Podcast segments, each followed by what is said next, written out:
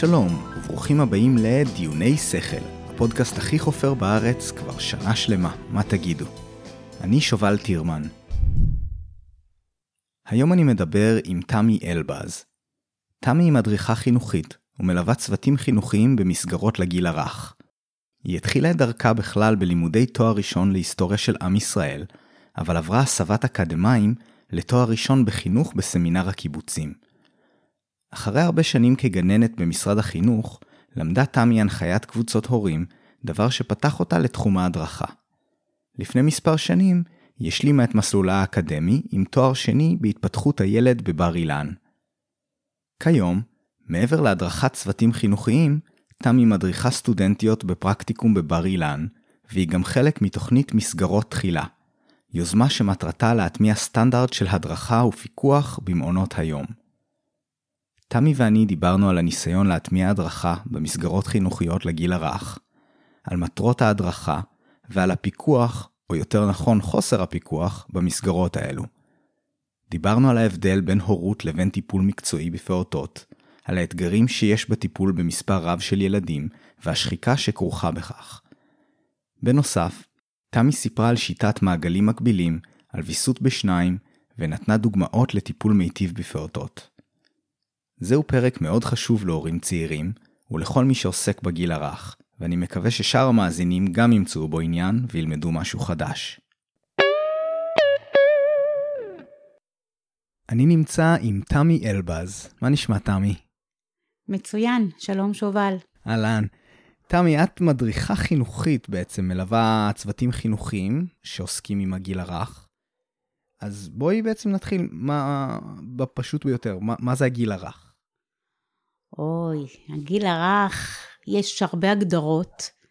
ההגדרה הרווחת, אה, ההגדרה הרחבה יותר מדברת על אה, לידה עד אה, גיל 6, mm-hmm. אבל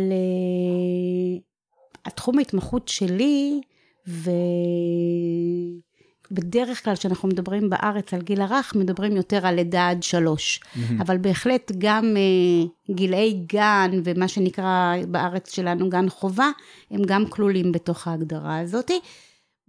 ויש אפילו שמרחיבים עוד יותר לעד גיל שמונה. וואה. כן. אוקיי, בסדר, אבל שוב, ההתמקדות כרגע, אני מבין שאנחנו מהלידה עד שלוש. Uh, בסדר, אז בעצם את, את מדריכה, למה, למה צריך הדרכה בעצם?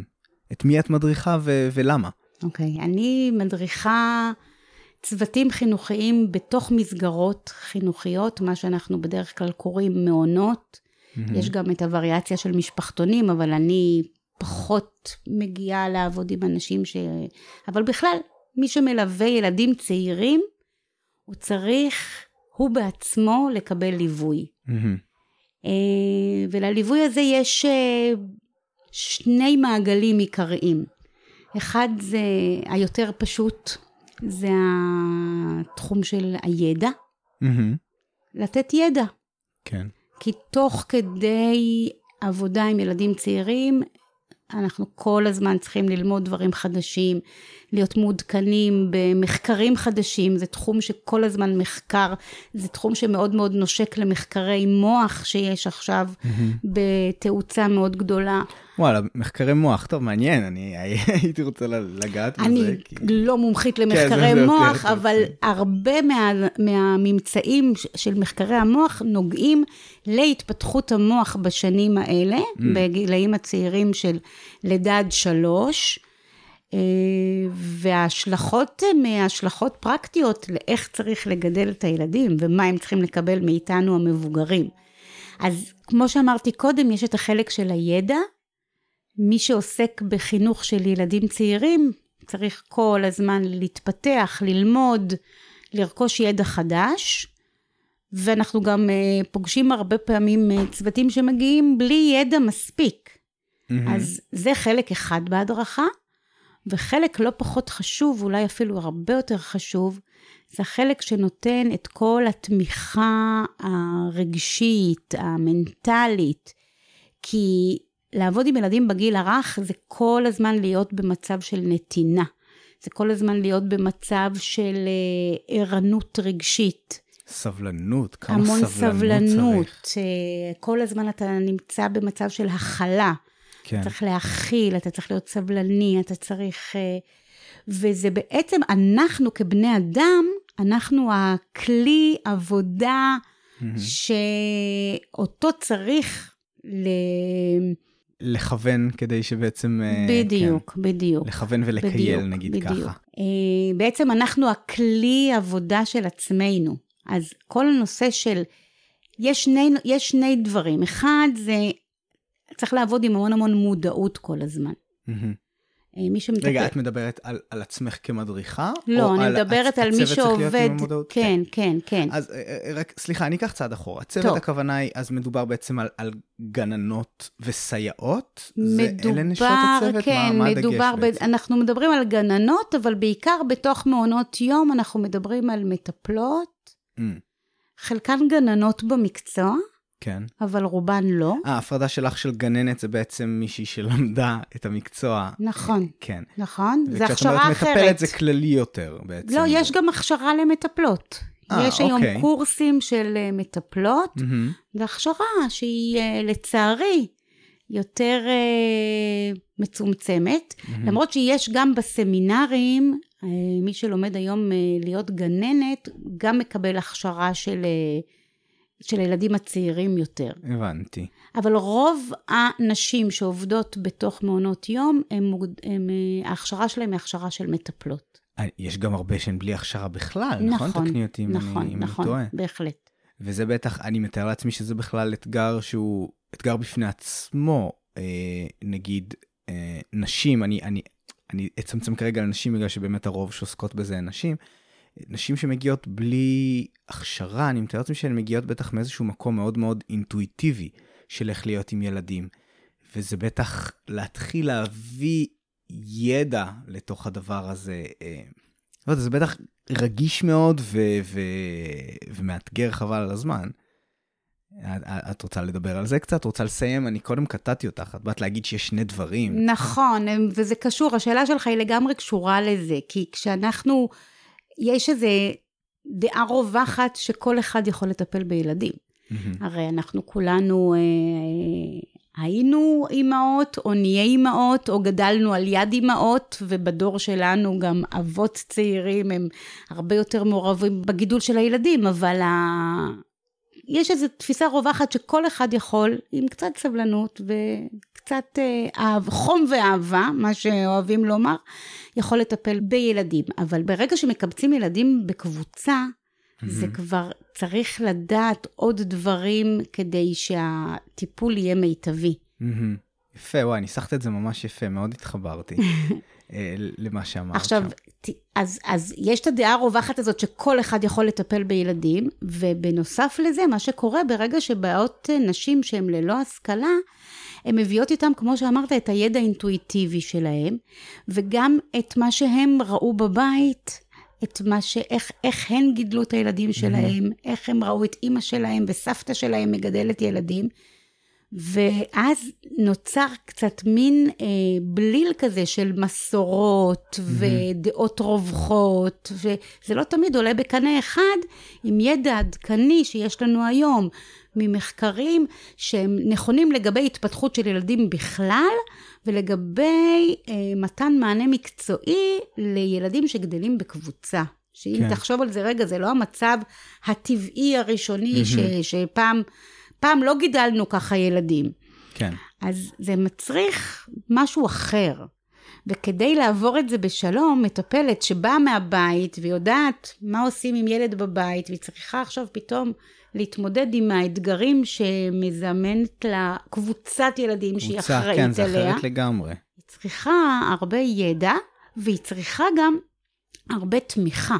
כן. כי כמו שאמרת קודם, הסבלנות, ההכלה, התובענות של הילדים מהמם. מאיתנו, הם אה, מצריכים הרבה תעצומות נפש, ואנחנו אה, מדברים על, יש לנו מושג שנקרא מיכל, כדי שאנחנו נוכל להכיל את הילדים, מהמם. צריך שגם המיכל שלנו יהיה מספיק אה, רחב, מספיק כן. כן. מוחזק. צריך כן. שגם מישהו יכיל אותנו. יש מושג שנקרא אה, בחינוך, יש מושג שנקרא מעגלים מקבילים. או, אני, אני בטוח ששמעתי את המושג הזה, אבל אני לא, אני לא, אני לא יודע להגדיר אותו. בואי תספרי לנו בבקשה. הוא אומר בעצם שזה בתחום מערכות היחסים בעיקר. וזה אומר שהחוויות ומערכות היחסים שבתוכם חיה המטפלת, mm-hmm. הם ישפיעו על אה, מערכות היחסים שהיא תוכל לייצר עם הילדים שהיא מטפלת בהם. Mm-hmm. כלומר, חוויות שהיא חווה בתוך המסגרת המקצועית, כן, כן. לא בבית. אוקיי. אבל האקלים שבתוכו היא מתנהלת בעבודה שלה, מערכות היחסים כן. שלה עם החברות שלה למקצוע, עם המנהלת שלה, אפילו mm-hmm. עם ההורים שהם גם חלק מהמערכת האקולוגית הזאת, הם ישפיעו ויהיו דומים למה שהיא בעצם לח... יהיו דומות לחוויות כן. שהיא uh, תצליח לייצר עבור הילדים שהיא מטפלת בהם. כן, בוא כן. בוא נפרוט את זה רגע. אם היא תחווה תסכול, אה, חוסר הקשבה, אה, תרגיש שהיא לא מקבלת מענה לצרכים mm-hmm. שלה, היא מאוד מאוד תתקשה להיות... אה, מיטיבה. מיטיבה עם הילדים שהיא מטפלת אני, בהם. אני לגמרי מבין את זה. או אני אנסח ו... את זה עוד פעם, okay, על אוקיי, דרך כן. החיוב.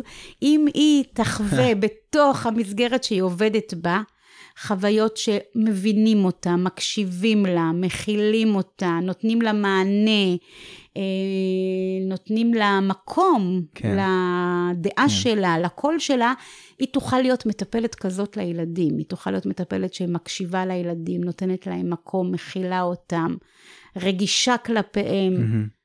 אוקיי? זה המעגלים המקבילים שההדרכה מנסה לייצר מול הצוות, כדי שאחר כך זה יהיה המודל של המטפלות, איך לעבוד עם הילדים בצורה זהו, מיטיבה. זהו, זה, אני רגע, אני, אני אחדד קצת את מה שאמרת פה, כי יש פה איזושהי דקות שאני לא בטוח שהיא עוברת.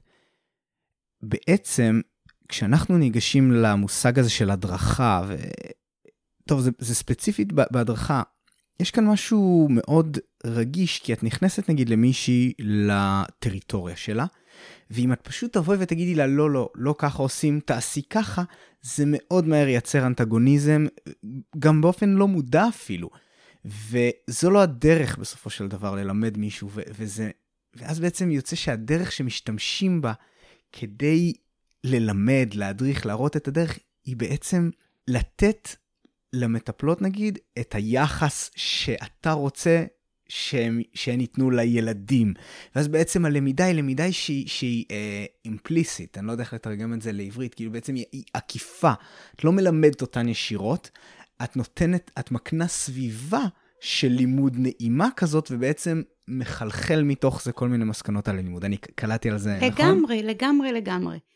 כי החוויה שהיא חובה, גם אם היא לא אה, מדוברת, כן. לפעמים כשאנחנו נמצאים כבר ברמה גבוהה של הדרכה, אני יכולה להגיד לה, תראי, איך אנחנו, מה שעשינו עכשיו, אני נתתי לך המון מקום, ואנחנו בנינו את האמון, אני יכולה כבר mm-hmm. לתת לזה שמות, להמשיג להמשיג, את התהליך. כן, אוקיי, אבל לא להמשיג תמיד... רגע להגדיר זה בעצם, כש, כשבעצם את, את לוקחת משהו ואת נותנת לו שם, וזה עכשיו מושג שיש לכן אה, אה, איזשהו, אה, איזושהי שפה משותפת, ששתיכן מבינות ואת יכולה להשתמש בזה נכון, עכשיו. טוב, לפעמים, אולי זה היה ברור, אבל... לפעמים ברמות מסוימות של הדרכה אנחנו עושים את זה, אבל ממש לא תמיד וממש כן. לא בהכרח.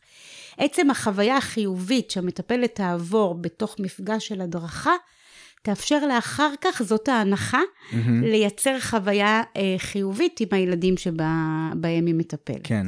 מאוד מעניין. אני, כן, לרגע אני אנסה טיפה להמחיש את זה, כי בעצם מה שקורה זה שלהרבה מאוד אנשים, אם הם מתוסכלים מהעבודה שלהם, גם אם הם לא יודעים לשים על זה את האצבע, יצא לנו נגיד לכולנו להיתקל נגיד בנותני שירות שנתנו לנו שירות קטסטרופלי, ואתה הרבה פעמים אתה מבין שכנראה שרע להם בעבודה, והם מוציאים את זה עליך, כן?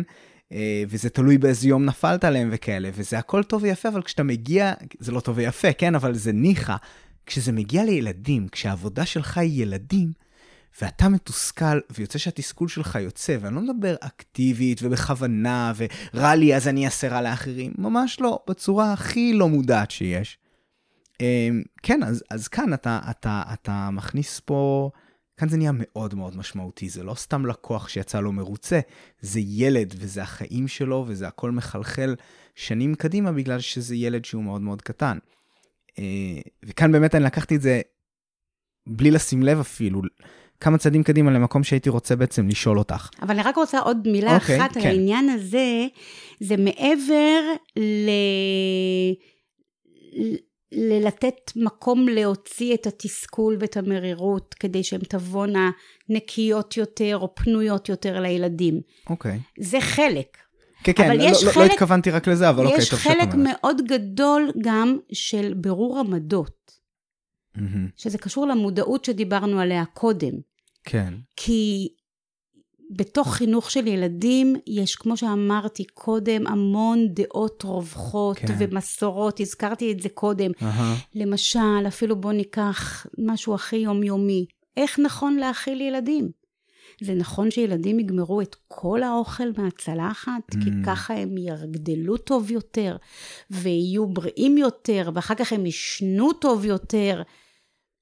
או שצריך לתת לילד את הצלחת ולאפשר לו לאכול כמידת יכולתו, כן. ושהוא זה שיחליט mm, כמה הוא יאכל. כדי לא לפגוע לו נגיד במנגנון הטבעי שלו של השובע. אוקיי, כי כל מיני דברים. כי... כן, כן, סתם זרקתי משהו. כדי שהוא יפתח כן, מנגנון שמה. עצמאי של שובע ורעב, כדי שהוא ירגיש שיש לו קצת יותר שליטה על החיים שלו, mm. ויש לו איזשהו מקום אה, לקבל החלטות לגבי עצמו. כלומר, זה דברים נורא נורא קטנים, אבל זה דברים שהם נבנים מגיל מאוד מאוד צעיר, שילד מרגיש שהוא כל הזמן מובל, מטופל, מחליטים בשבילו, מניידים אותו ממקום למקום.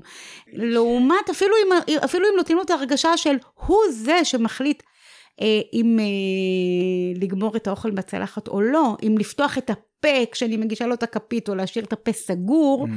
התחושה הזאת של העצמי שמתפתחת, כן. היא מתחילה מהדברים הקטנטנים האלה. נכון. אז אני חוזרת למה שהתחלתי להגיד קודם, שגם ההדרכה היא גם נותנת ידע, היא גם נותנת הרבה ליווי אה, רגשי, מנטלי, אה, כדי שהחוויה של המטפלת בתוך העבודה שלה תהיה חוויה מיטבית ונעימה, וגם הרבה מאוד עבודה על בירור עמדות ואיזשהו אישור קו לגבי mm-hmm. מה, אנחנו, מה אנחנו יודעים היום על התפתחות של ילדים. ומה קצת לעשות, זה מתחבר לידע גם, איך מחברים כן. בין ידע עממי, נקרא לזה, לידע יותר אמ, אקדמי, תיאורטי. אקדמי, תיאורטי, כן, כן, כן, כן. רק רצית לתת באמת עוד דוגמה שיצא לשמוע עליה. זה באמת, זה דברים קטנים שכל כך קל לא לשים לב אליהם. כמו באמת להרים ילד. עכשיו יש לך ילד, הוא בן נגיד חצי שנה, הוא יודע לשבת והוא יושב לו שם. ואתה עכשיו אומר, טוב, עכשיו הגיע הזמן לאוכל, אתה בא ואתה מרים אותו ואתה לוקח אותו. ובעצם אתה לא לוקח בחשבון את זה שהילד, יש לו את, ה... את עצמו. ואתה בא ואתה פשוט לוקח אותו נגיד מאחור, מבלי שהוא בכלל ראה אותך מגיע ובא לקחת אותו, וזה מאוד קל לחש... לחשוב שאין לזה משמעות, אבל מהרגע שמסבירים לך, נגיד, לי הסבירו את זה, שיש לזה משמעות, שילד רוצה להרגיש שיש לו שליטה על הגוף שלו, ושבכזה מצב עדיף לבוא ולהגיד לו, היי, hey, אני עכשיו הולך לקחת אותך אה, אה, לאכול ארוחת צהריים. ורק אז אתה מרים אותו, ואתה לא חייב לחכות נגיד לרשות שלו ולאישור שלו, כי לא תמיד הוא ירצה, אבל לפחות לעדכן אותו שזה מה שהולך לקרות. אז הדברים הקטנים האלה שאפשר ממש בקלות לפספס אותם, אה, אם לא, אם לא סיפרו לך את זה במקרה. נכון, אפשר בקלות לפספס. הנטייה שלי היא להאמין שבדרך כלל זה קורה, כמו שאתה סיפרת על עצמך, מחוסר מודעות. בדיוק. זה לא משהו שחשבתי עליו, זה לא משהו שהאירו את uh, תשומת ליבי לגביו, אבל מרגע שאתה רואה את זה, אתה כבר לא יכול לחשוב אחרת. כן, אני מסכים. נכון? זה ממש שינוי בצורת חשיבה על ילדים. כן. ומה הילדים האלה מבינים, ומה הילדים האלה יכולים לעשות לבד, כן. ומה אה, מחויב מאיתנו אה, לתת להם ואיך להתייחס אליהם, זה סוג של צורת חשיבה שאנחנו הרבה מאוד עובדים על זה בהדרכה. עכשיו, הדבר הזה של לבוא ולקחת ילד מאחורה, כי אני נורא, נורא רוצה בטובתו, אני רוצה לקחת אותו לאכול, אין לי, mm-hmm. אין, אין לי כוונה רעה. אני בטוחה שהרבה פעמים זה נעשה מתוך כוונות מאוד מאוד מאוד טובות. כן. אמ, הסגנון הזה של לקחת ככה את הילדים בלי להגיד להם מה הולך לקרות, הוא יכול להגיע ממש לקיצוניות שאנחנו קוראים לה החפצה. אוקיי? Okay? שהילדים האלה הם בעצם כמו חפצים, שאנחנו מניידים אותם, מעבירים כן. אותם, כן. מטפלים בהם, מטפלים בהם יפה. Mm-hmm. אבל המקום הזה של לבוא אל הילד מלפנים, להסביר לו מה הולך לקרות, ולתת לו תחושה שהוא שותף mm-hmm. שלנו, במה שקורה, כי הוא מבין, והוא ככה לומד מה זה מערכת יחסים נכונה ו- כן. ובריאה. הוא גם לומד להבין אה, מה הולך לקרות, כלומר, כל, אפילו ההתפתחות הקוגניטיבית שלו אה, מתפתחת, כי הוא... מקשר בין מה שאומרים לו לבין מה שקורה, והוא עושה כן. את כל ההקשרים האלה, ולומד רצף של אירועים ורצף... לא, הוא לומד המון אפילו מרק האירוע הקטנצ'יק הזה, שאני לוקחת אותו עכשיו מהשטיח שבו הוא משחק לשולחן האוכל. כן, כן. יכול לקבל את זה כחוויה א', או כחוויה אחרת לגמרי, הרבה יותר מלמדת, נכון, מעצימה. ו... ו... כן. וזה רק, זה באמת מחזיר אותנו למה, למה ש, שאמרת קודם, או שאני אני, אני לוקח את זה קצת הלאה, שבעצם הקפיצה הזאת בין אה, ילד אחד נגיד, אם מישהו רגיל לטפל בילד אחד, לקבוצה, אלה בדיוק המקומות בהם אתה, אתה אפילו לא שם לב כמה זה השפיע, כי עכשיו כשאתה צריך להעביר שישה ילדים מהשטיח לשולחן, אז לכל ילד אתה תבוא ואתה תגיד, או, או שאתה תגיד לכולם, זה, זה, זה אוטומטית אחרת, בעוד שיכול להיות שאם ילד אחד באופן טבעי היה מרגיש לך לבוא אליו מקדימה, לסמן לו, אז אמ, כן, כי, כי עכשיו עם שישה ילדים זה הרבה, זה פשוט כל דבר שאתה עושה צריך לעשות. הרבה פעמים נגיד, ולא תמיד זה, זה מרגיש יעיל נגיד אפילו. נכון, ואתה גם אה, בדברים שאמרת, גם אה, חבוי עוד אלמנט שהוא אה, הנושא של השחיקה. כשאני עובדת עם הרבה ילדים כל היום, הרבה שעות, והרבה פעמים, אנחנו כולנו יודעים שהרבה פעמים יש, יש בכי ויש קצת אי נוחות של ילדים, כש... נגיד עם ילד אחד או שניים אני עוד מצליחה להכיל את זה, כשיש קבוצה זה הופך להיות קצת יותר קשה. כן.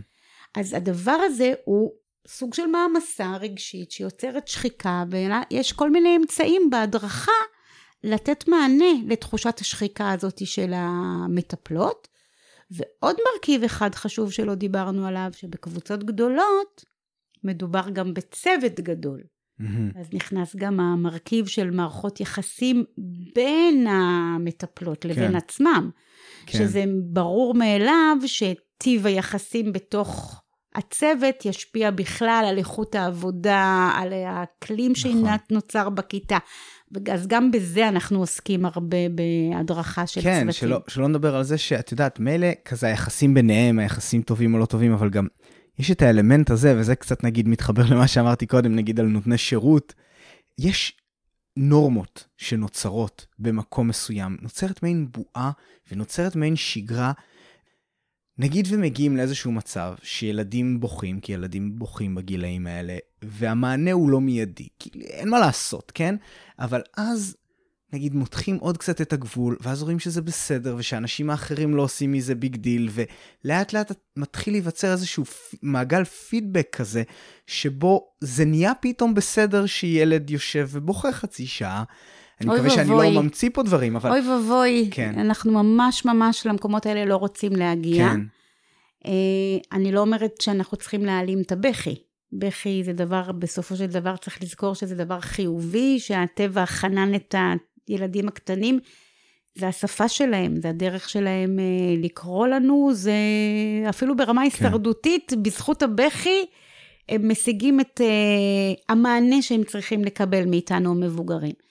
אז בכי כשלעצמו הוא דבר חיובי, את זה קודם כל צריך לזכור, אבל חייב, כדי שהוא יהפוך להיות עוד יותר חיובי, הוא חייב לקבל תגובה.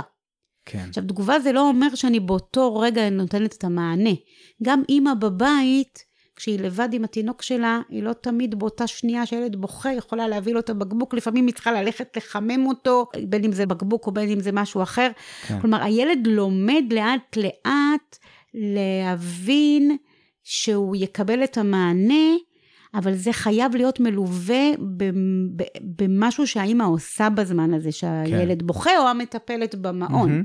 Mm-hmm. גם אפשר, את יודעת, לדבר ולהסביר זה שתכף זה, זה יגיע. לזה, וכן. לזה בדיוק. קוראים mm-hmm. לזה אה, ויסות בשניים. Mm. היכולת של הילד לחכות רגע, ולאט לאט מיום ליום שעובר להבין, אוקיי, גם אתמול בכיתי, אבל בסוף הבקבוק הגיע.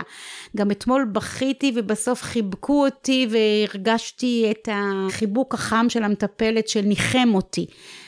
המקום הזה שהוא לאט לאט לומד שהמענה יגיע, גם אם הוא לא מגיע באותו mm-hmm. רגע, כן. זה בעצם תהליך, מנגנון שנקרא ויסות רגשי. ואצל תינוקות הוויסות הרגשי והוויסות התחושתי הם הולכים ביחד. כן. כלומר, מה שהוא מרגיש פיזית, זה גם mm-hmm. מה שהוא מרגיש רגשית. גם אצלנו מבוגרים זה במידה רבה נכון, אבל אצל כן. תינוקות זה מאוד עוצמתי ומאוד מחובר. אז היכולת שלו לווסת את עצמו בהתחלה היא מאוד מאוד נמוכה.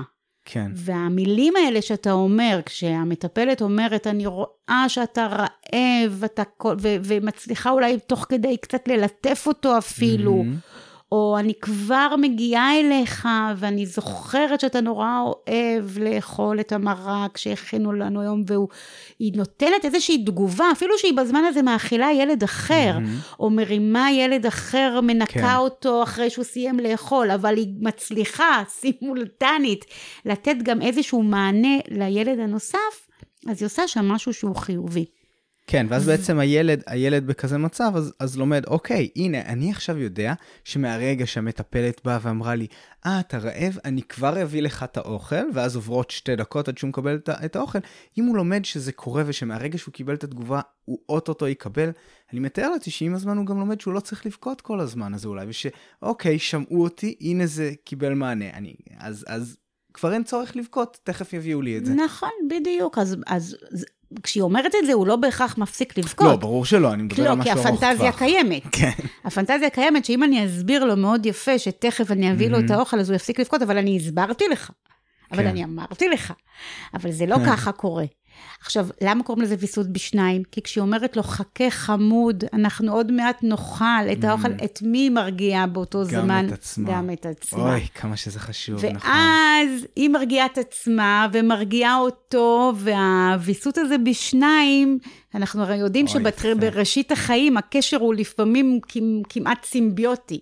כן. בהתחלה הוא ממש סימביוטי, אבל יש הרבה אלמנטים סימביוטיים בקשר בין מבוגר וילד, כשמבוגר מטפל בילד כל כך צעיר. כן. אז היא מרגיעה את עצמה ומרגיעה אותו, והצליל הזה, הפסקול הזה שהוא שומע, אה, כמו שאמרת, הוא לאט לאט, ואם יש עקביות, והיא באמת קביעות, גם מקיימת נכון. את מה שהיא אומרת mm. ברגעים האלה של הנחמה, כי הדבר הכי גרוע יכול להיות שמטפלת תגיד, אני תכף לוקחת אותך על הידיים ואני אחבק אותך, ואני אעזור לך להירגע, ואז קורה משהו אחר והיא לא יכולה לקיים mm. את זה. עכשיו, אם, אז החוויה שילד חווה, שאין הלימה בין מה שהוא שומע לבין מה שקורה, כן. ואז זה יכול להיות יותר בעייתי. וואו. עכשיו, אנחנו לא יכולים להיות ב-100 אחוז, 100 אחוז מהזמן ו-100 אחוז מהפעמים מותאמים לגמרי, יש פספוסים. בטח. אבל גם לילדים יש מנגנון אה, הסתגלותי למציאות מספיק חזק, כן. שיכול לשרוד כן, בצורה בריאה את. הפספוסים כן, האלה. כן, כן. בסדר? נכון. הטבע ברא אותם ש... ככה, שגם את הפספוסים שלנו כן. כמבוגרים, הם יכולים להכיל. כן, שלא לדבר על זה שאת יודעת, גם אפשר לבוא ולהתנצל, כן? כאילו, אני לא יודע מה, מה, מה, מה זה ייתן, אבל לפחות אתה איכשהו משלים את הטקס פה. סליחה שזה לקח כל כך הרבה זמן, הייתי צריך uh, לעשות ככה וככה. אני לא יודע מה, אם פרקטית זה נותן, אבל ללא ספק, אה, אני רוצה להאמין שלטווח הרחוק זה גם uh, יכול לתת משהו. עכשיו, אני רציתי לשאול אותך, אז בעצם, אנחנו מדברים פה הכל על העניין הזה של ה... Uh, לענות על הצרכים של הילדים, וכבר דיברנו, כבר נכנסנו לא, נכנסנו כבר די עמוק לכל מיני פרקטיקות שהן, אה, אה, אם להשתמש במילה שאת אמרת לי, מיטיבות. איך אנחנו בעצם יודעים, איך מגיעים למסקנה, איך בעצם נגיד האקדמיה יכולה להגיד מה, מה טוב לילד, מה, מהי באמת סביבה טובה. כי נגיד אני לא אתפלא אם, אם אם יש איזושהי תפיסה כזאת באמת, וזה באמת אה, יותר קשור באמת להורה שאולי מגדל את הילד שלו, אבל בטח גם במסגרות, שיש יותר מדרך אחת, ויש כל מיני דברים, ולי הגישה שלי היא כזאת, שהיא קצת נוקשה יותר, אה, ואני מאמין שזה הדבר הנכון, ולי יש גישה של לתת הכל ומיד, וכל מיני, ובעצם, מה שאני מנסה בעצם לשאול פה זה, איך אפשר להגיד, נגיד, אולי בצורה שהיא קרובה לאובייקטיבית, מהי סביבה מיטיבה לילד? את יכולה טיפה לשים אור על הדבר הזה? אה, אתה שואל אותי עכשיו שאלה שזה יכול להיות אה, קורס אה, של... שני סמסטרים באוניברסיטה. אז בשתי דקות, סתם. תראה, ברגע שאומרים סביבה, קודם כל החוכמה היא להבין את המושג הזה. סביבה היא גם סביבה פיזית וגם סביבה אנושית. עכשיו, הם, הם קשורים אחד בשני. שני המושגים האלה קשורים אחד בשני. כן. כשמדברים על סביבה פיזית, אנחנו מדברים על המבנה, על הריהוט, mm-hmm. על הצעצועים, על הגירויים שהילד פוגש. והסביבה האנושית היא כמובן כן, האנשים שהוא פוגש. נכון, אבל יש עוד חלוקה, שהיא חלוקה יותר, החלוקה היותר אקדמית נגיד, שמדברת על מרכבים, מר, קוראים לזה מרכיבים מבניים ומרכיבים תהליכיים. וואה. כן. זה בסדר להשתמש ככה במושגים האלה? כן, מבניים ותהליכיים, כן, בסדר, בוא ננסה לפשט. המרכיבים המבניים זה, כמו שאמרתי קודם, זה הרבה דברים שקשורים לסביבה הפיזית, אבל זה גם, נגיד, אה, ההשכלה של המטפלות, כמות הילדים בקבוצה, טווח הילדים בקבוצה, היחס המספרי בין כן. מבוגרים וילדים. Mm-hmm. אלה הדברים שאנחנו קוראים להם מאפיינים מבניים, או מרכיבים מבניים. המרכיבים התהליכיים זה כל מה שקשור למערכות היחסים. הקשר שנוצר בין המטפלות והילדים, הדרך שבה אנחנו אה, מסבירים לילדים אה, מה הולך לקרות, מה שאנחנו קוראים התיווך, המלל והמשמעות שאנחנו נותנים לכל מה שקורה, האמון שנבנה. בטח. אז בואי, בואי טיפה נלך קדימה. איפה, את יודעת, תיאוריה לחוד ומציאות לחוד. איפה אנחנו עומדים עכשיו? למען האמת, איפה בכלל יש כזה סוג של הדרכה כמו שאת עושה? הרי אה, אני מתאר לעצמי שרוב המאזינים שלנו יודעים שהרי אה, בארץ שלנו אין בעצם אה, מסגרת מלידה עד גיל שלוש שהיא מפוקחת אפילו. אין, אה, אין, אין מסגרות מפוקחות בפיקוח משרד החינוך, הכוונה. הן בהחלט מפוקחות. היום המסגרות לגיל הרך, הן נמצאות אה, באחריות משרד העבודה והרווחה. הבנתי, וזה מה, זה כולל את המסגרות הפרטיות? לא. הבנתי, אז הכוונה היא מה, למעונות בעצם שהם יותר כן, כמו של ויצו ונעמת? כן, מה שאנחנו קוראים המוכר, המסגרות המוכרות. אוקיי. אבל לא כל המסגרות לילדים צעירים נמצאים תחת הפיקוח הזה. כלומר, יש פלח גדול מאוד שהוא הרוב, mm-hmm. שמה שאתה אמר, קראת לו הגנים הפרטיים. כן. ולאחרונה נחקק חוק הרישוי, אוקיי. שזה חידוש אה, מרענן. אוקיי, שה... לא שמעתי על זה. אוקיי, חוק הרישוי וחוק הפ... שהתפתח בהמשך לחוק הפיקוח, שאומר שהיום כל מי שרוצה לפתוח מסגרת עם אה, שבעה ילדים ומעלה, mm-hmm. חייב לקבל רישוי מהמדינה. אוקיי, תראי, אני יכול לראות לזה יתרונות וגם חסרונות. כי לפני זה זה לא היה כן. קיים. כן, אבל... לפני זה יכולת מה... לשים שלט על הדלת. כן, שנייה, רגע, רגע, רגע. אז קודם כל בואי, שנייה זה. כשאני אמרתי לך שאין פיקוח, נגיד, את, את, אה, אני, אני לא, לא רואים את המבט על הפרצוף שלך, אבל את נראית לי מאוד תמוהה פתאום, כזה, מה, מה זאת אומרת אין פיתוח, פיקוח? בטח יש פיקוח, אבל דקה אחר כך את אמרת, כן יש פיקוח על המעונות ש, שקוראים להם המעונות ה... אה, איך את קראת לזה? מוכרים. המוכרים. אבל אז את אומרת לי בעצם הרוב, רוב הילדים בגילאים האלה לא נמצאים בתוך המוסדות המוכרים האלה. אז פרקטית כן, בהרבה מאוד מהמסגרות אין פיקוח, אין דרישות סף uh, של הכשרה של מי יכול uh, uh, לטפל בילדים. ועוד כל מיני כאלה דברים שתראי, אפשר להיכנס כאן לדיון, אנחנו, הפודקאסט הזה נוגע בהרבה נושאים של השלכות כלכליות והשלכות על חופש הפרט של לבחור אצל מי לשים וכל מיני כאלה, אבל אם אנחנו מסתכלים באמת נטו על טובת הילד, כפי שהיא, אה, נגיד, משתקפת, אה, אה, כפי שנגיד היא, נמדדת במדדים אקדמיים תיאורטיים, ברור שצריך פיקוח, ברור שצריך הכשרה. ולי, ממה שאני יודע, נראה שאנחנו מאוד רחוקים מזה. אז אוקיי, אז אחד לדבר. אז היום צריך לרשום כל מוסד שהוא משבעה ילדים נגיד ומעלה. אוקיי, זה התקדמות, אבל בסדר, באת ורשמת. מה, מה זה עדיף? אתה לא, לא מחייבים אותך, נגיד, לאן לעמוד בסטנדרטים מסוימים, או... כן, או... בהמשך אה, בהחלט יהיו... סטנד... הסטנדרטים, דרך אגב, הם כבר מוגדרים. על ידי מי? על ידי... אה, הייתה ועדה גדולה, כבר לפני עשר שנים לפחות, שהגדירה מהם הסטנדרטים המומלצים mm-hmm. למסגרת חינוכית. חוברת מאוד מפורטת 아. אה. ומאוד איכותית, שנכתבה על ידי אה, הרבה גורמים אה, באקדמיה, וגם אה, מס, נציגים של משרדי ממשלה. Mm-hmm. ה, הידע וההבנה קיימים. כן. יש פער בין הידע הזה לבין איך שהוא מיושם כיום בארץ.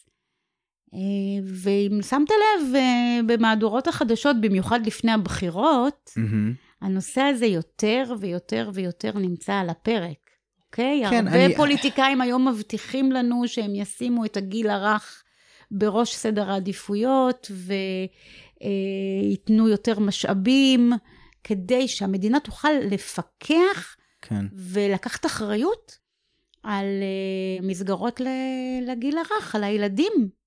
כן, כן. בגילאים אני... הצעירים האלה. אני מבין, אבל כן, את יודעת, הרבה פעמים, לא יודע, כש, כשאני מדבר עם אנשים שהם באמת לא מהתחום, נראה שמה שמעניין הורה לגבי ה- ה- הילד המאוד צעיר שלו, זה, את יודעת, הדברים הבאמת שהם באמת הכי חשובים, כן? שנגיד לא תהיה אלימות פיזית, אה, וגם לא צעקות נגיד, אבל זה פחות או יותר מרגיש שזה די מסתכם בזה, וזה באמת, התחושה שלי היא ש... אני חושב שאת מאוד תתחברי לזה, שבאמת ההורים לא יודעים מעבר לדברים הממש בסיסיים האלה, מה לחפש במסגרת. אז זה עוד שלב אחד לפני הפיקוח. יכול להיות שפשוט איכשהו צריך, טוב, זה באמת, זה חלומות באספמיה, אבל, אבל להנחיל לציבור, להורים, אני בטוח שהרבה מהם רוצים לדעת את זה. איך לבחור מסגרת חינוכית, איך לדעת אם המסגרת ששמת היא, היא, היא, היא מיטיבה או לא. בטח שתחת כל האילוצים, כן, בסופו של דבר הרבה פעמים הורים ילכו פשוט למקום שהוא קרוב לאיפה שהם גרים, כי זה נוח יותר. מה, מה, מה אפשר לעשות שם בעצם? קודם כל, אני מאוד מאוד סומכת על אינטואיציות של הורים. באמת? שבאמת, כן. הבעיה היא ש... כי, כי הנטייה שלי היא קצת לזלזל, אבל זה כבר סיפור אחר. לא, אני מאוד uh, מאמינה באינטואיציות של הורים, אבל בתנאי שהם באמת... Uh, כנים עם עצמם, mm. כי יש מנגנון מאוד טבעי ומאוד uh, לגיטימי uh, ומובן מבחינה פסיכולוגית, uh, שברגע שהורה שם ילד במעון מסוים, מתחיל לפעול איזשהו מנגנון שהוא מאמין שזה המקום הכי טוב שיכול להיות בשביל כן, הבן שלו. כן, כן, כן, איזשהו שכנוע עצמי. כן.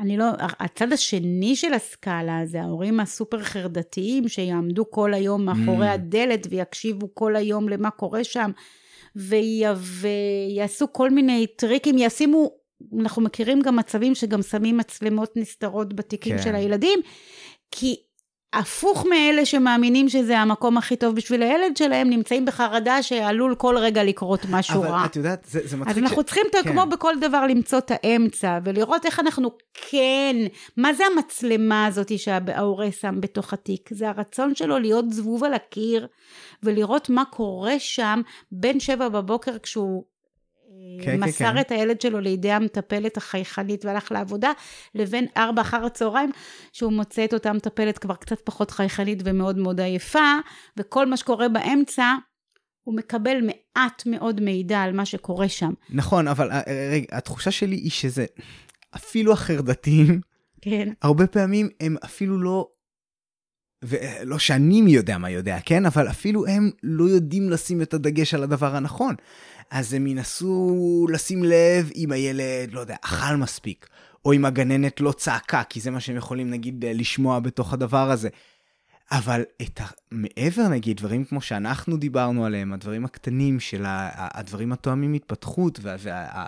וה... לא להחפיץ את הילד, דברים בסגנון הזה, אלה דברים שגננת יכולה להיות הכי רגועה, הכי נחמדה והכי זה, אבל לא לתת לילד את מה שהוא צריך מבחינה התפתחותית. אז, אז זה, הרבה פעמים מרגיש לי שגם באמת הצד החרדתי של ההורים לא תופס את, את הדבר הזה. או, או את יודעת, זה יכול להיות הכי הפוך על הפוך, כי הרי מה, נגיד הורה חרדתי שיבוא לראות אה, אה, אה, גן ילדים בקיבוץ, ויראה אה, אה, חצר גרוטאות כזו, אני זורק פה איזה מושג שאני מכיר על אה, בעצם, בעצם חצר כזו של משחקים, שיש שם מלא מלא חפצים ישנים שפשוט שמו שם, ואלה הצעצועים של הילדים. עכשיו, אני יודע שמבחינת האקדמיה זה דבר שהוא מאוד מאוד חיובי, אבל הורה יראה את הדברים האלה שהם מלוכלכים והם מגעילים, וזה עם החול ועם הלכלוך, ויגיד, מה זה, איזה הזנחה. אז, אז זה לא, אפילו הצד השני של הסקאלה של הלהיות סופר חרדתי, זה לא רק שזה מפספס את הנקודת האמצע, זה בכלל לכיוון אחר שהוא אפילו לא, לא, נכון, לא נכון. נכון, והפתרון לזה הוא לייצר כל הזמן מעגלים של שיח. הגננות, מנהלות הגנים, המטפלות, צריכות בכמה שיותר הזדמנויות לתת את המידע על הגן להורים. מה תפיסת העולם שלנו, מה אנחנו חושבים שנכון אה, בשביל הילדים האלה, איך אנחנו מתמודדים במצבי לחץ, אה, איך אנחנו אה, פותרים מריבות בין הילדים, מה אנחנו בעצמנו עושות כשקשה לנו. זה מידע שככל שהורים ידעו אותו יותר, mm-hmm. הם יותר יבינו את הלך הרוח של איך מתנהל המעון ואיך מתייחסים לילד שלהם, איך מתנהל הגן, אם זה גן פרטי, ואיך מתייחסים כן. לילד שלהם. עכשיו, אני תמיד, כשאני בהדרכות שלי עובדת עם מטפלות, אני אומרת, זה גם, קודם כל ברמה ערכית, להורה מגיע לדעת, זה הילד שלו. מגיע לו לדעת לאן הוא הביא את הילד שלו. מה עושים פה? אנחנו דיברנו עכשיו על תפיסות עולם ועל uh, גישה, אבל גם, גם הדברים הפרקטיים. מה עושים פה? מטיילים בחוץ, אה, אה, עובדים עם חומרים, אה, קוראים ספרים, איזה ספר הילד שלי אוהב, mm-hmm. מאוד כיף לשמוע, ממה הוא נהנה במשך היום. כמה שיותר מידע לתת להורים בנדיבות, זה גם ברמה ערכית, הדבר הנכון לעשות, כי באמת מגיע להורים לקבל את המידע הזה, וגם מבחינת... אה, וזה גם נכון כדי ליצור מערכת של אמון, mm-hmm. שאחר כך הורים לא יצטרכו להיות חרדתיים ול, כן. וללכת לכיוונים הלא נכונים האלה שאתה אמרת. הבעיה שגם המטפלות כמעט ואין להם זמן לעשות את הדבר הזה, mm-hmm. וגם ההורים העסוקים שרצים כל הזמן נכון. במרוץ החיים, אין להם זמן לעשות את זה. אנחנו בעצם, את הדבר הכי חשוב, הילדים שלנו, אין לנו בעצם זמן ומשאבים ביחד עם הגנים אה, לייצר את השיח הזה כן. ולייצר את השותפות הזאת, mm-hmm. שאנחנו בעצם, uh, המטרה המשותפת שלנו היא לגדל את הילדים בצורה מיטבית. כן, uh, את יודעת, uh, שוב, אני לא, אני לא יודע אם אני, אם אני חי באיזה, באיזה עולם uh, אחר, איזושהי בועה כזאת, אבל התחושה הרווחת היא להורים, ל, ל, באמת לילדים בגיל הרך, שרק ישרדו את הגיל הזה, כן? נכון, אתה הרי אתה שם אותם במעון ואתה כזה שרק שישמרו עליהם, שיהיו בסדר, שיאכלו, ולפעמים מרגיש שיש תחושה כזו שלא רואים את החשיבות של המעבר, של הטעימות, של ה... כאילו, אולי איזושהי אווירה כזאת של מה, מה כבר ילד בגיל הזה יכול, יכול ללמוד. מה שמשנה זה שהוא יענו, אוקיי, לצורך העניין, את יודעת מה, באמת אם נעשה את ההפרדה, הצרכים הפיזיים זה מה שבעיקר אה, מדאיג הרבה מההורים, ו... אה, פחות הדברים שבאמת...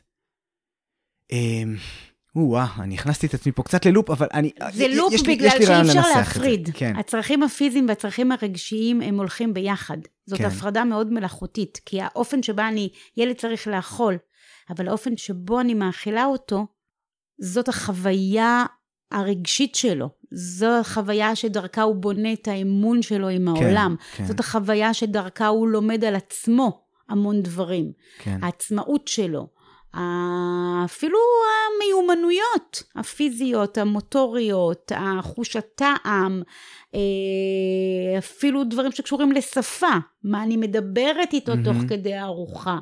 כל ההבנה שלו, המשמעות של מה שקורה שם תוך כדי ארוחה. אז נכון שאתה עושה איזושהי הפרדה בין טיפול פיזי למענה רגשי, אבל כן. בעצם אנחנו לא מפרידים.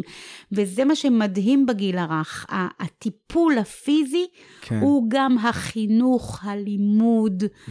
החוויות המעצימות. ואי אפשר להפריד בין הדברים. כן, כן, וזה מתחבר מאוד למה שאת אמרת קודם, שבעצם מבחינת אה, אה, תינוק, מישהו שהוא ממש קטן, ההפרדה הזאת בין הפיזי לרגשי היא כמעט ולא קיימת, נכון, זה הכל היא בא לא ביחד. קיימת. אבל אני רגע אחדד את מה ש... אני חושב שעליתי על רעיון טוב לנסח את זה. כאילו אם באמת נדמיין סקאלה כזאת, שהרבה דברים יכולים להיות רעים בה, וזה נגיד בצד השלילי, במקרים הקיצוניים אלימות והזנחה ודברים כאלה, ואז נגיד אם נלך איתה קצת ימינה לכיוון המספרים החיוביים ונגיע כזה לאפס שבו הכל בסדר. הילד מקבל את הדברים הבסיסיים שהוא צריך, גם את המענה הפיזי, גם את המענה הרגשי, אבל מרגיש לי שיש את הצד השני, הצד החיובי, שגם... מה צריך להיות שם, אתה לא, שואל? לא, של כמה יותר טוב זה אפילו יכול להיות. שיש המון מקומות שבו זה יכול להיות יותר טוב מהבסדר, הוא מקבל את ה basic שהוא צריך. ש... ושם מרגיש שזה טריטוריה שהיא קצת לא נחקרה על ידי הרבה מההורים. נכון. שאפילו הידע הזה של זה יכול להיות יותר מבסדר, זה יכול להיות מצוין, זה יכול לקדם את הילד ולתת לו את האקסטרה ביטחון, וגם מבחינה התפתחותית לקדם אותו, וגם מבחינה רגשית, והדברים האלה גם מחלחלים המון המון לעתיד, וזה גם אלה דברים שהמון לא יודעים, אני מקווה שאני לא uh, זורק פה סתם דברים... Uh, uh, אז לא מה שאתה נכונים. בעצם אומר, שההורים לא יודעים מספיק מה זה, מה זה טיפול וחינוך מיטבי לילדים, ובגלל זה הם לא יודעים איך כן. לצרוך את המוצר הזה. כן, כאילו, אני מסכימה איתך. נמנעים מאוד מהרע, וזה הדגש הגדול, נכון. אבל אין את ה... דווקא את ה... ללכת לאובר, מעבר לשלא יהיה רע, שיהיה אקסטרה טוב. ואפשר, יש דרכים יותר טובות. ו...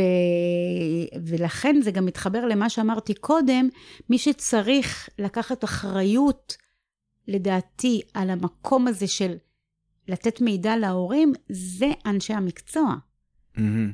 אוקיי? כי אם אני בעלת גן, ומגיעה אליי קבוצה של הורים, חשוב לי שהם ידעו מה איכותי בגן הזה, ומה טוב בגן הזה, לא רק כדי לעשות לעצמי שם טוב ושירשמו לי גם הרבה ילדים בשנה הבאה, מהמם. כי אני חושבת שברמה אפילו ערכית, אה, מוסרית, זה מידע שאם אני, אני הלכתי ולמדתי את זה, אני רוצה להפיץ אותו. כן, כן, כי כן. באמת כן. להסתפק, איך אמרת, בוא נשרוד את השלוש שנים האלה, שהילד יעבור בשלום את הגילאים האלה. אני, אני בתור אשת חינוך, מהמם. אה, היום בתור אה, מדריכה חינוכית ובעבר בתור גננת, היה לי חשוב מאוד לחלוק את הידע הזה עם ההורים, וזה מתחיל מאיזושהי הנחה שההורים הם שותפים שלי. הילד הוא שלהם, אבל כן. הוא נמצא אצלי הרבה שעות מהיום. נכון. ואנחנו באיזשהו אופן צריכים לחלוק את מה שאני, אני אחלוק את מה שאני יודעת על חינוך ילדים, כן. והם יחלקו איתי את מה שהם יודעים על הילד הספציפי שלהם, כי זה יאפשר לי להיות גננת יותר טובה. אם אני אכיר את הילד יותר טוב, את המשפחה שלו, את ההורים שלו, אם הם יספרו לי אם במקרה עובר עליו כרגע משהו קשה, כן. אם הם מחנכים אותו בבית לפי איזושהי אה, תפיסת עולם מסוימת. לא תמיד אני אוכל לתת את אותו מענה בדיוק גם בגן, אבל לפחות אני אדע מאיפה הילד הזה מגיע. מהמם. ככל שאני יותר אדע על הילד ועל המשפחה, אני אוכל להיות מטפלת יותר טובה. ככל שאני אתן יותר מידע על מה שקורה בגן ומה נכון לילדים לקבל, הם יוכלו אולי להיות הורים יותר טובים בבית. כלומר, ההדדיות כן. הזאת צריכה כל הזמן, אה, אנחנו צריכים להזין אחד את השני, כשהאחריות לקשר הזה אצל אנשי המקצוע. אז זהו, אז אני, אני רוצה להגיד על זה משהו. יש כאן גם אה, אה, איזשהו, איזשהו טאץ' כזה, שבעצם מטפלת טובה לא רק רוצה שבמשמרת שלה יהיה טוב, היא רוצה שהילד הזה יגדל בצורה מיטבית גם מחוץ למשמרת שלה.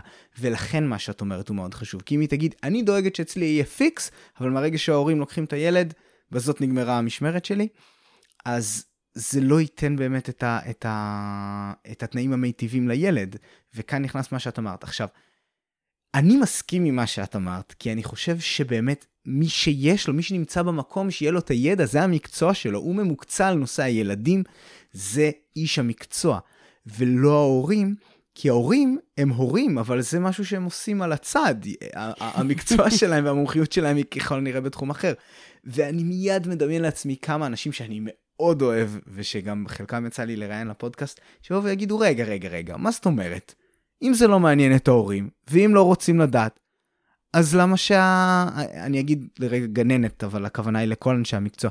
למה שהגננת תעשה את זה? מה, היא צריכה לתת להורים משהו שהם לא מבקשים? ובדיוק על, על, גם מאותו מקום. אם ההורים רוצים גננת או גן שבא ומעדכן אותם ומספר איתם ומשתף אותם, הם יבחרו כזה גן. אם הגננת לא מעדכנת וזה סבבה מבחינת ההורים, אז למה הגננת צריכה לעשות את המאמץ הנוסף? הרי ההורים בחרו את הגן הזה.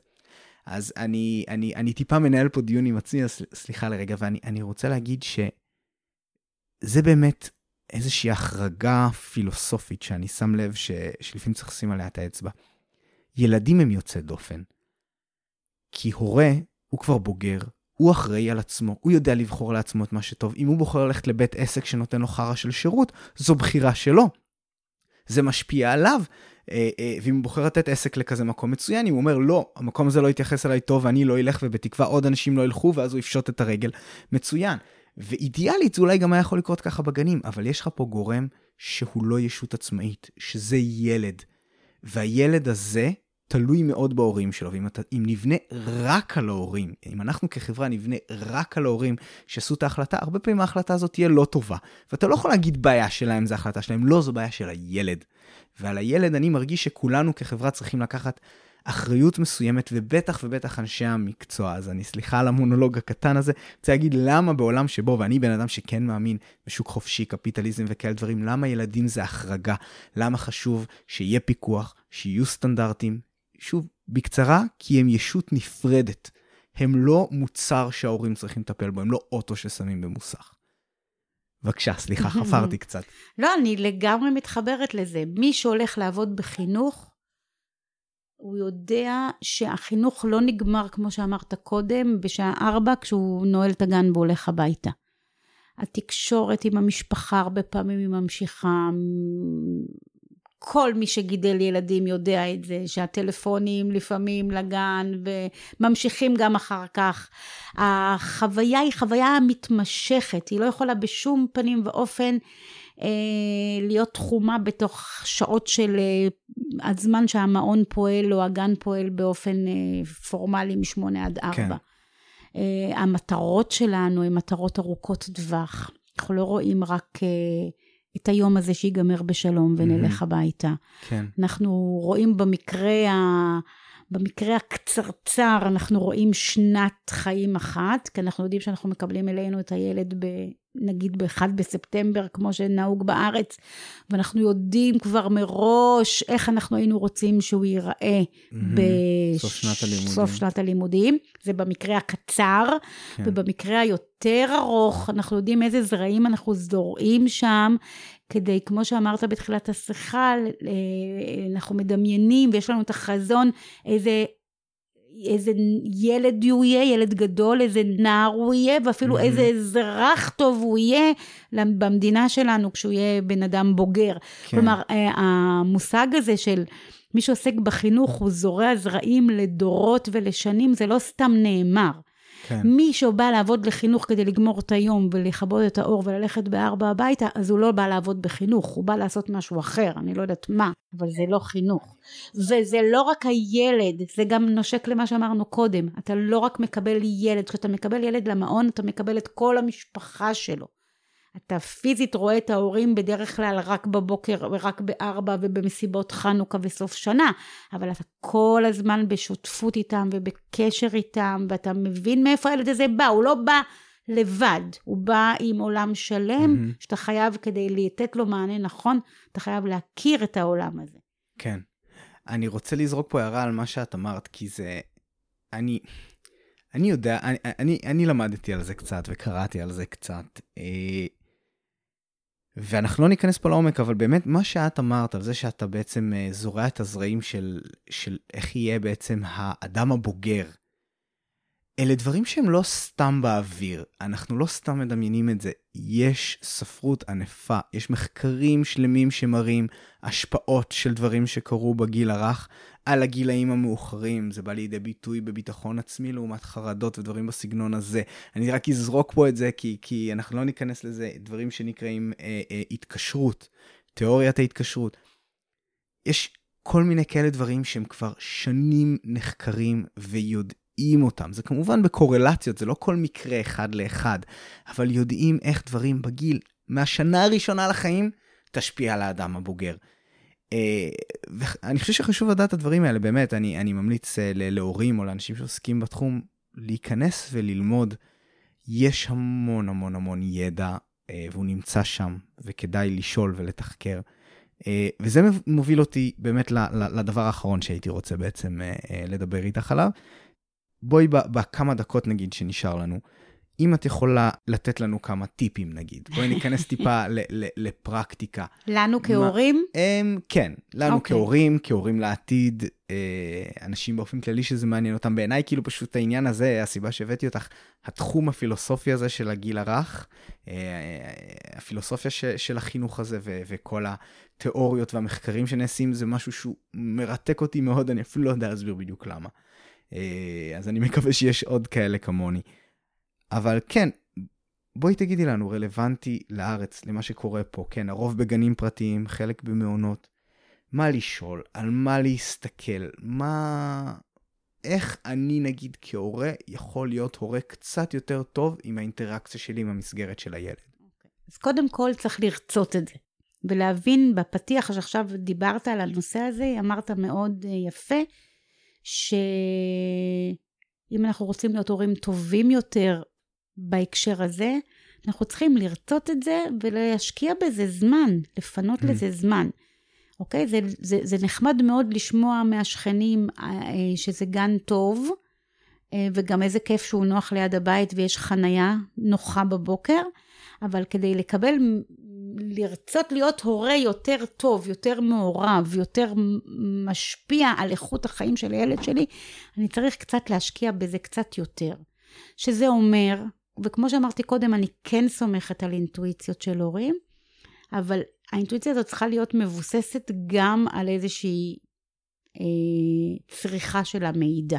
Mm-hmm. ופשוט לדעת לצרוך את המידע.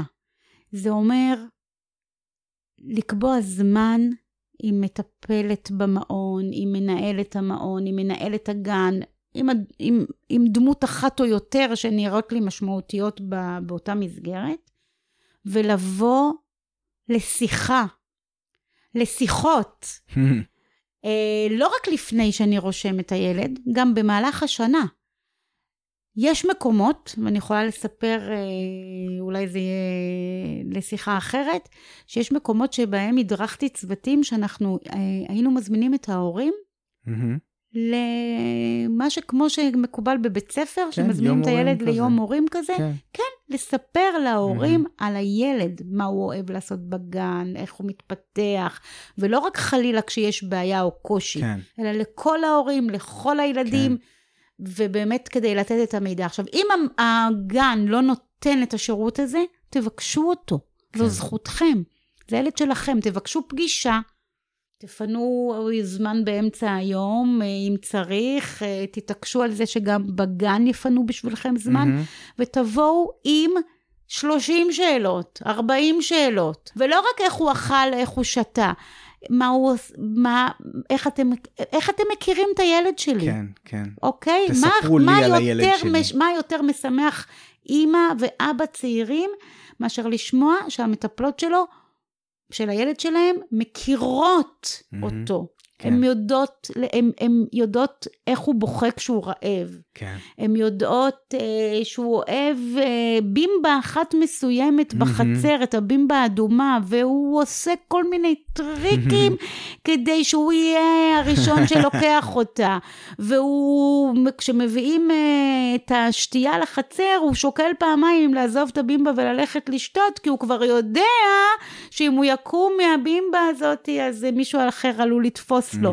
והניואנסים הקטנים האלה, כן. הם הדברים אה, אולי קטנטנים, אבל הם מראים על זה שצ... שהצוות, הוא ראה את הילד שלי, mm. הוא מכיר אותו, כן. אה, הוא נהנה מהדברים הקטנים כן, האלה. כן. ההנאה בקשר, mm-hmm. מה יותר מחמם להורים את הלב ולראות מטפלת שמספרת. עכשיו, רק צריך את ההזדמנות, כי ברוב המקומות ורוב המטפלות ורוב הזמן זה ככה. כן. הן רואות את הילדים, הן מכירות את הילדים. הן, הן גם, הן גם הן... תשמחנה לספר על זה. בדיוק, רק צריך כן. לייצר את המפגש נכון. הזה.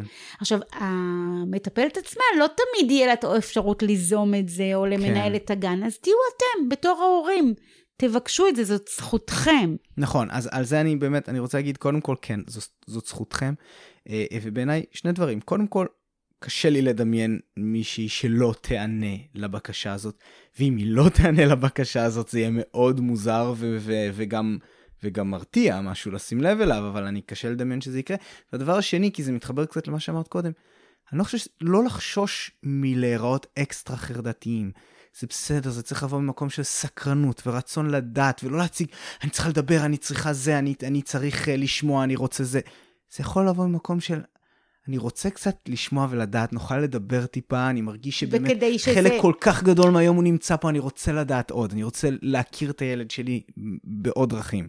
וכדי שזה ייראה פחות חרדתי, זה יכול להיות יותר הדדי. כלומר, זה יכול, אני אספר לכם על הילד כן. בבית, כן. ואתם תספרו לי על mm, הילד בגן. טוב. ואז נוצר איזשהו שוויון, איזושהי הדדיות בתוך השיח כן. הזה. זה לא שאני באה בתור זה שמשלם את הכסף, וזכותי לקבל את המידע. זה mm. לא בא ממקום כזה של, כן. כמו שאמרתי קודם, זאת זכותי ואני תובע אותה. לא. כן, כן. זו, זו, זאת זכותי וזה המוטיבציה שלי לייצר פה את השיח mm-hmm. הזה שהוא כל כך חסר. עכשיו, הרבה פעמים טכנית באמת קשה לייצר אותו. כן. אבל אני חושבת שאם אה, הורה אחד ועוד אחד ועוד אחד יתחילו לבקש את זה, זה יכול אולי להפוך להיות איזשהו סוג נכון, של נורמה. נכון. ובאמת, אה, כמה פעמים בשנה לנסות ליצור מין שיח כזה. Mm-hmm. לבוא באמצע היום, לבקש לבוא. יש הרבה מקומות ש... לא תמיד מאפשרים את זה, וזה בעיה. ויש גם שיקולים, יש גם שיקולים אובייקטיביים שהם לפעמים נכונים, אבל כן. אפשר למצוא גם כל מיני וריאציות, אפשר לבוא, אה, נגיד, אה, יותר מוקדם בסוף היום, mm-hmm. לא בחמישה לארבע, שכבר לאף אחד אין זמן mm-hmm. ל- לא לשמוע אותך ובטח לא לענות לך. אה, לבוא קודם, לשאול אם אפשר להצטרף פעם אחת אולי לארוחת צהריים, ואחר כך לקחת את הילד, כי לפעמים כשאנחנו... אה, כן, באים באמצע היום אז זה קשה אחר כך. נכון, אז כן. כן, אז לבוא להיות קצת, לראות מה קורה. מעניין. אה, וכן, לפנות כבר את היום, ובהנחה שהילד לא ירצה להישאר אחר כך, אז לקחת אותו. Mm-hmm. לב... להיות רגישים גם לקושי שזה עלול ליצור למטפלות mm-hmm. ולמנהלת. להיות רגישים, לא לעשות את זה ברגל גסה. ובצורה תובענית, אבל כן לנסות למצוא, חשוב לי נורא לראות פעם אחת איך אתם יוצאים לחצר ומשחקים בחול. אני יכול לצאת, אני יכול להצטרף אליכם היום. כן. אני יכול להביא, אני יכול להביא כמה דליים חדשים ככה לפנק mm-hmm. אתכם, או אני יודעת, כל מיני סירים ישנים שיש לי, שילדים יהיה להם כיף לשחק עם זה בארגז החול. אני אביא את זה ונשחק קצת ביחד, ואחר כך אני אלך. ואם יהיה קשה לילד שלי להישאר, אז אני אקח אותו, אל תדאגו. כן. כי גם המטפלות נכנסות קצת לפעמים כן, לסטרס כן, כן. מנוכחות שלנו כהורים. Mm-hmm. גם את זה צריך להבין. Mm-hmm. אבל גם שיח וגם נוכחות, ולקבל תחושה לתת תחושה שאני באה ממקום, כמו שאמרת קודם, לא חרדתי ובודק ובוחן ומחפש, כן. אלא ממקום של סקרן, של גם נותן. Mm-hmm. זה משהו שהורים יכולים אה, לנסות לעשות יותר. כן, נכון. ווואלה, את יודעת מה, זה, זה, זה מדהים, כי אני שאלתי אותך על טיפים, אבל נראה שזה תכלס יוצא טיפ אחד מאוד גדול ומשמעותי. ונראה לי שזה כל המהות של, ה, של הסיפור הזה ושל מה שאת עוסקת בו בסופו של דבר. וסבבה, נראה לי שזה מקום מצוין לסיים. אז uh, אני רוצה להגיד לך תודה רבה, תמי. תודה, תודה. שהשתתפת. ותודה רבה למאזיננו, ואנחנו נתראה בפרק הבא של דיוני שכל.